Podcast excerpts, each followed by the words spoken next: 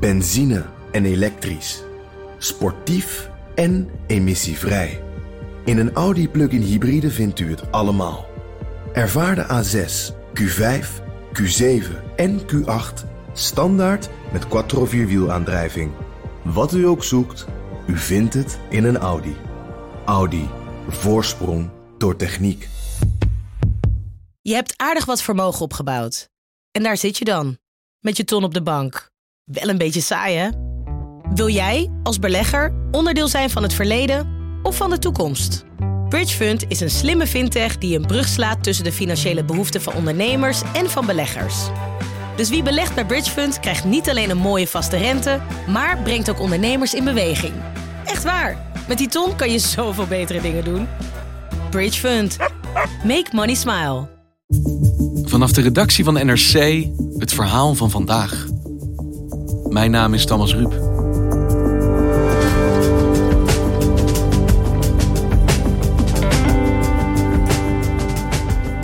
Hij was de vader aller klokkenluiders. Daniel Ellsberg was degene die met het lekken van de Pentagon Papers in de jaren 70 een keerpunt forceerde in de Vietnamoorlog. Minder bekend is het geheime dossier dat hij aanlegde over het risico op een nucleaire oorlog. En die dreiging is nu, waarschuwt hij op 88-jarige leeftijd, misschien wel actueler dan ooit.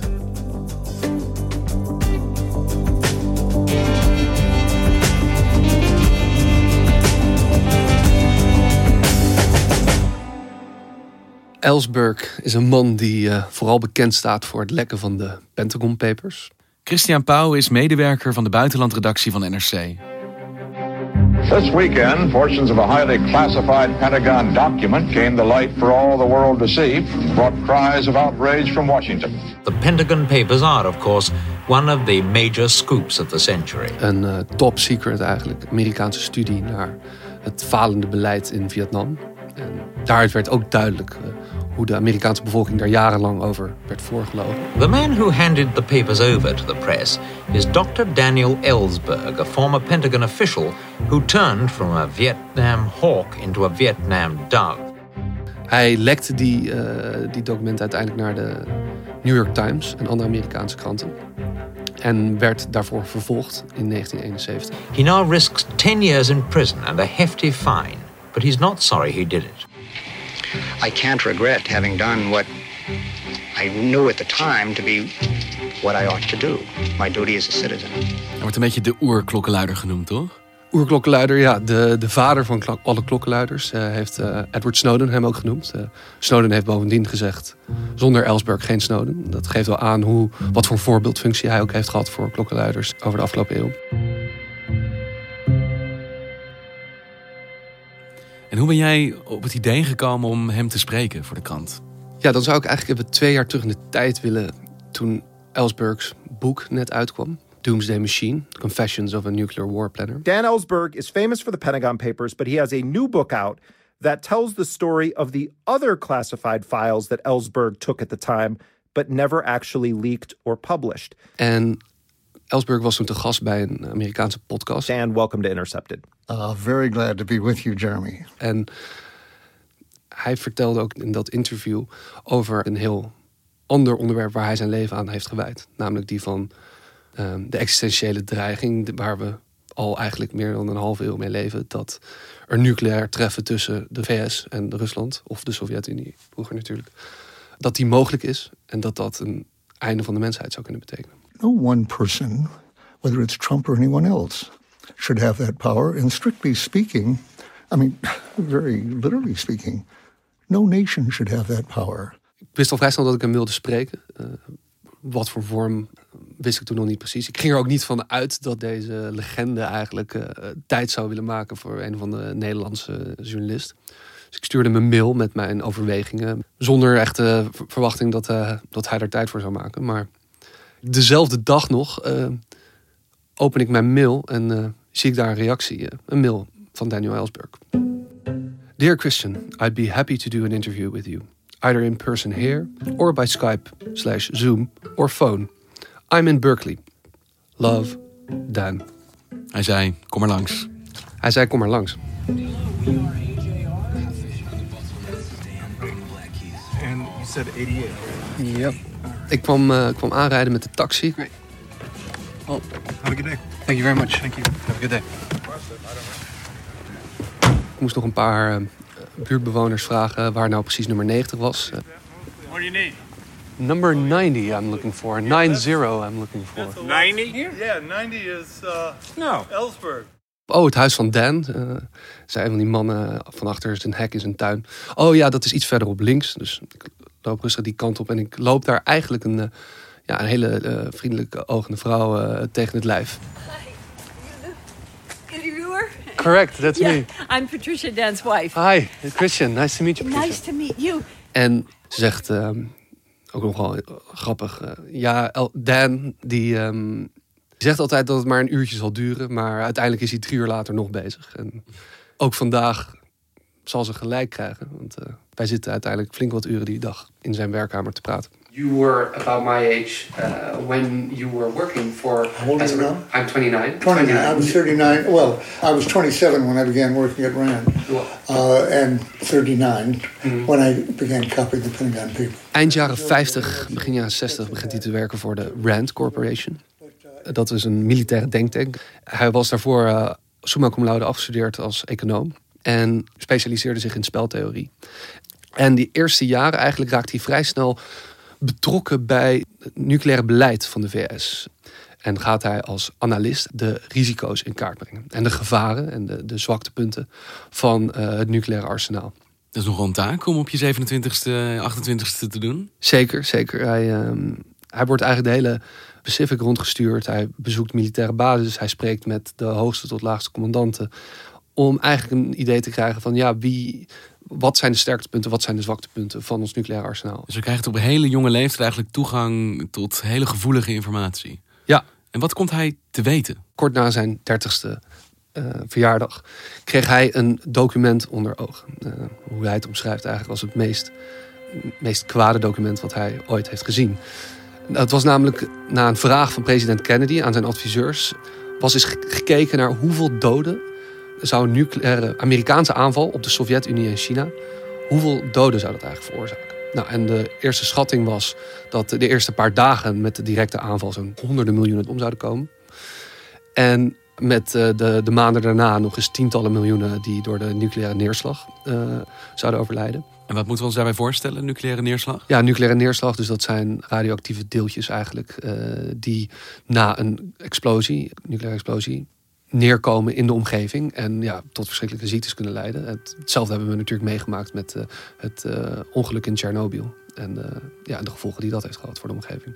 Maar wat doet hij met dit besef? Want dat is nogal iets om mee rond te lopen als 30-jarige. Ja, wat hij eigenlijk dan al begint te doen, is het verzamelen van alle geheime informatie die hij ja, in zijn handen krijgt. Stiekem. Eigenlijk, eigenlijk wel, ja. Gaat hij in het geheim een, een, een nucleair dossier, letterlijk en figuurlijk, verzamelen. En de jaren daarna raakt hij betrokken bij een ander belangrijk groot onderzoek. Naar de Vietnamoorlog. Precies, ja. Ellsberg had dus twee gigadossiers. Explosieve, revolutionaire dossiers die, die de Amerikaanse samenle- samenleving overhoop zouden kunnen gooien. En ja, hij twijfelde heel erg, want hij wilde niet dat een van de onderwerpen ondergesneeuwd zou raken. Dus hij besluit een keuze te maken. Hij denkt, de Vietnamoorlog is nu. Nucleaire dreiging is verschrikkelijk, maar dat kan later ook nog. Dus ik ga eerst met de Vietnam-documenten naar buiten. En dan kan ik later mijn eh, dossier over nucleaire dreiging lekken naar de pers. Hij weet natuurlijk wel de risico's die erbij komen als hij klokkenluider wordt. Eh, dat er een grote kans is dat hij vervolgd gaat worden. Dat ze er uiteindelijk achter gaan komen dat hij de man is die dat dossier naar, naar de pers heeft gelekt. Dus voor de zekerheid brengt hij het dossier over de nucleaire dreiging veilig naar zijn broer. Want dit is een tas of een doos met papier. Ja, eh, dit ging eh, volgens Ellsberg om één, één doos met nucleaire documenten... die zijn broer uiteindelijk in een groene vuilniszak besluit op te bergen... en, en besluit te verstoppen in een composthoop in zijn tuin. Eh, met het idee dat als Ellsberg uiteindelijk misschien een keertje vrijkomt... dat het dan alsnog naar buiten gebracht kan worden. Dus in de composthoop in zijn tuin ligt een tas met ongelooflijk gevoelige staatsgeheime informatie... die mogelijk een regering te val zou kunnen brengen. Ja, dat zou je wel, wel kunnen zeggen. Ja. En hoe vergaat het Ellsberg nadat hij besluit te kiezen voor de Pentagon Papers en die naar buiten te brengen? Ellsberg was walled off by newsmen and supporters as he admitted that he was indeed the man who brought the Pentagon Papers to the press and congressional leaders. Ja, als uiteindelijk hij ook zelf toegeeft dat hij de klokkenluider is. En dus bekend wordt dat deze jonge, uh, intelligente analist dus de man is die uh, deze geheime informatie naar buiten heeft gebracht. wordt hij al vrij snel door Henry Kissinger bestempeld als the most dangerous man in America. Omdat hij zo dichtbij de, eigenlijk de meest gevoelige Amerikaanse dossiers zat. En hij wordt vervolgd onder de Espionage Act. Hij hangt 115 jaar celstraf boven het hoofd. En uh, ja, uiteindelijk wordt hij onder boven wonder wordt hij vrijgesproken. Omdat ja, tijdens het onderzoek naar hem er is ingebroken naar, bij zijn psychiater. Om belastende informatie over hem te vinden. Door? Door de FBI. En in de tussentijd ook uh, Ellsberg illegaal wordt afgetapt.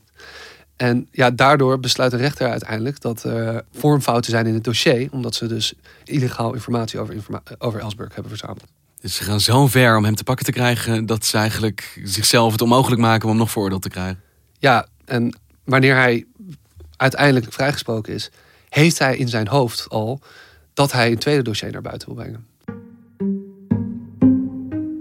I intended to put that information out directly soon after the Pentagon Papers run their course. Dus hij, ik neem aan dat hij naar die composthelp van zijn broer spoedt. Ja, dus hij, hij, uh, hij, hij, komt vrij en uh, ja, dan blijkt uh, dat dossier te zijn verdwenen. Want wat is ermee gebeurd?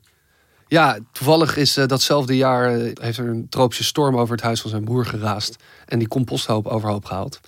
zijn broer heeft nog met vrienden maandenlang gezocht. Hebben een bulldozer erbij gehaald om die documenten toch nog te vinden. Ze hebben allemaal groene vuilniszakken gevonden, maar niet de groene vuilniszak waar de uh, nucleaire documenten in verstopt zaten. De wereld gaat dus nooit leren wat daar dan in stond. Ja, inderdaad. En natuurlijk ontzettend teleurstellend voor deze inmiddels uh, geharde activist. Maar zijn vrouw uh, Patricia die zag het anders. Die noemde het uiteindelijk een act of grace. die was natuurlijk blij mee dat haar man niet alsnog achter tralies zou eindigen. she will say, I'm glad you didn't. You know, yeah, I'd rather have you with me. En wat deed Ellsberg toen? Niet vervolgd, maar ook geen baan meer en geen document om naar buiten te brengen. Ja, hij is sinds die tijd is hij een uh, ontzettend uh, bekende activist geworden. En uh, een van zijn belangrijkste kruistochten was eigenlijk toch wat hij tegen nucleaire dreiging. So, uh, my hope, as I say then, was to make people aware that um, the danger was real and existed, continued to exist, and that we'd come close several times to actually blowing up the world. We weten van acht landen uh, die publiekelijk erkend hebben dat ze nucleaire wapens hebben. Hè? En dat zijn? En, nou ja, dat zijn uh, natuurlijk de, Rusland, de VS, Frankrijk, het Verenigd Koninkrijk, China, uh, India, Pakistan. Uh, en met de meest recente natuurlijk Noord-Korea. En kijk, het bestaan van kernwapens is een feit. En dat kunnen we ook niet terugdraaien. Dat is ook niet realistisch, denkt Ellsberg. Uh, sterker nog, hij geeft ook toe dat we sinds het bestaan van kernwapens geen grote wereldoorlogen meer hebben gehad. Want kernwapens zijn ontzettend handig om af te schrikken. Dus in die zin is het bestaan van kernwapens ook niet alleen maar slecht. Maar wat dus volgens Ellsberg niet te verdedigen is, is dat er twee landen zijn op deze wereld de VS en Rusland, die de nucleaire capaciteit hebben om de wereld meerdere keren op te blazen. Om uh, meerdere keren een doomsday te veroorzaken, om een nucleaire winter te veroorzaken. Een nucleaire winter? Wat bedoelt hij daarmee? Een soort eh, apocalyptisch beeld krijg ik erbij. Ja, kijk, uh, zijn analyses uh, in de jaren zestig bleken uiteindelijk nog uh, ontzettend naïef te zijn.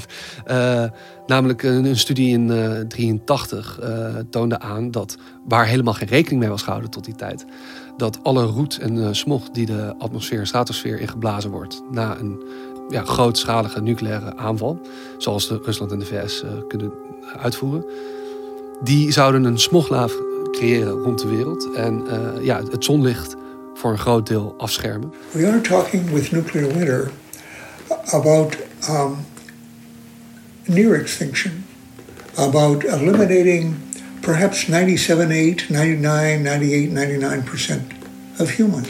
En ja, op, die manier zouden we dus eindigen in een, een soort van tijdperk waar natuurlijk ook de temperatuur daalt, maar vooral ook we geen zonlicht hebben om voedsel te verbouwen en eigenlijk de hele wereldbevolking binnen enkele jaren uh, zou omkomen van de honger. Een soort scenario van hoe de dinosauriërs uitstierven. Ja, precies. Alleen dan uh, ja, door onszelf, uh, door onszelf mogelijk gemaakt.